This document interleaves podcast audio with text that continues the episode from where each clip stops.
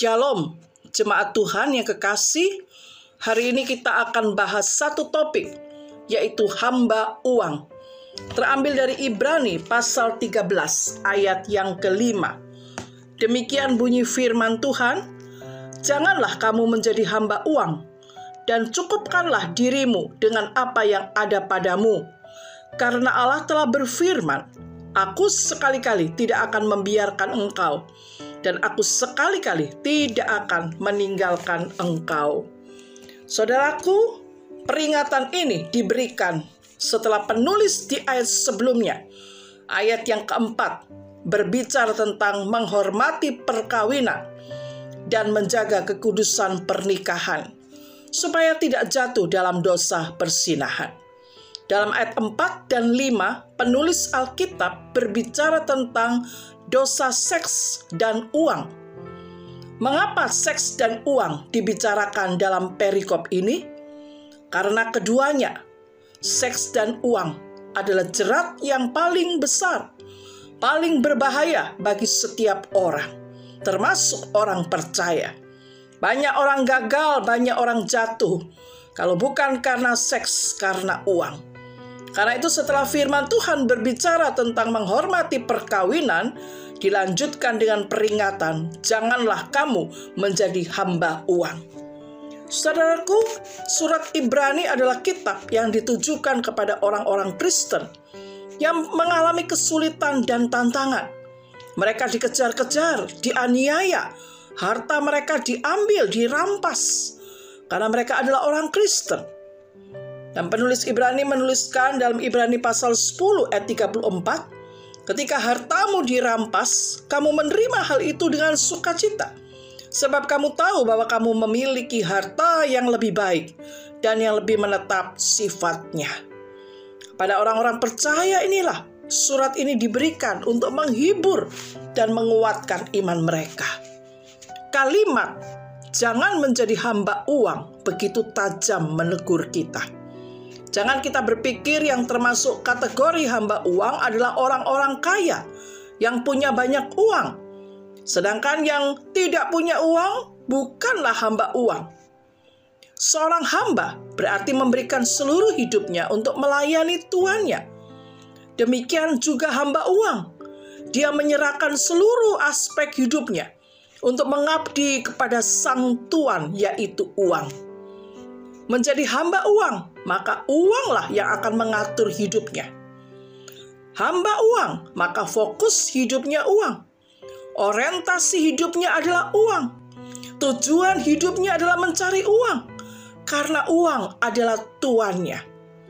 Firman Tuhan mengingatkan kita, tidak seorang pun dapat mengabdi kepada dua tuan, karena jika demikian, ia akan membenci yang seorang dan mengasihi yang lain.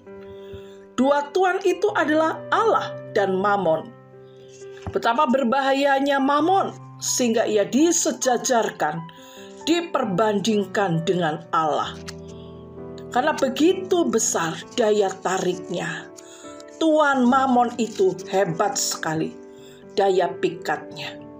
Dalam 2 Timotius 3 dikatakan ayat 1 dan 2 ketahuilah bahwa pada hari-hari terakhir akan datang masa yang sukar. Manusia akan mencintai dirinya sendiri dan menjadi hamba uang. Saudaraku yang kasih dalam Tuhan Alkitab mengingatkan di akhir zaman, manusia cinta diri dan menjadi hamba uang.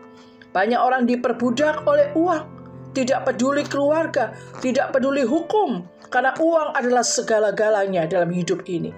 Karena uang banyak perselisihan dalam keluarga, karena uang banyak teriakan dan makian dalam rumah tangga. Karena uang kakak adik bertengkar, bermusuhan, memperebutkan warisan. Saudaraku yang kasih di dalam Tuhan, 1 Timotius 6 ayat 10 dikatakan bahwa akar segala kejahatan bukan kurang uang, tetapi cinta uang. Pedagang narkoba bukan kekurangan uang, tetapi dagang terus karena mereka cinta uang. Uang bukan akar segala kejahatan, tetapi cinta uang yang membawa kita dalam kejatuhan. Kita mencari uang, bukan cinta uang. Kita memerlukan uang, tetapi tidak boleh cinta uang.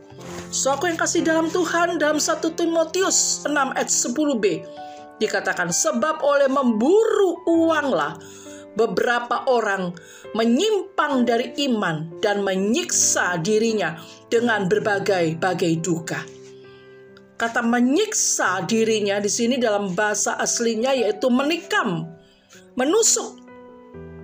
Begitu banyak kasus-kasus terjadi karena orang cinta uang, banyak perseteruan, konflik, permusuhan, hubungan relasi yang rusak karena uang, banyak kesusahan, penderitaan, malapetaka terjadi karena memburu uang. Hati-hati saudara. Jika saudara mengutamakan uang dalam keluarga rumah tangga saudara, bahaya sedang mengancam. Uang sering kali dipakai setan untuk menghancurkan anak-anak Tuhan, menghancurkan, mengacaukan rumah tangga-rumah tangga Kristen Saudaraku, tujuan hidup kita bukan untuk mengumpulkan uang, tetapi untuk mengenal Tuhan dan memuliakan Dia. Kalau kita mengejar uang, uang akan lari dan hidup kita akan binasa. Rezeki, berkat, jangan dikejar saudara. Makin dikejar, makin lari menjauh. Ingat Matius 6 ayat 33. Carilah dahulu kerajaan Allah dan kebenarannya, maka semuanya akan ditambahkan kepadamu.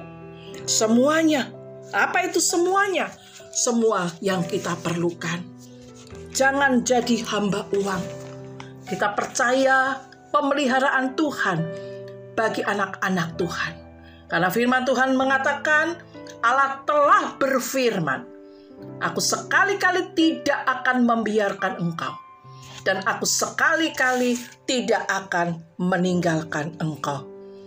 Biarlah kehidupan kita memuliakan Tuhan dan menjadi berkat bagi banyak orang. Jangan menjadi hamba uang, tapi muliakanlah Tuhan melalui harta kita.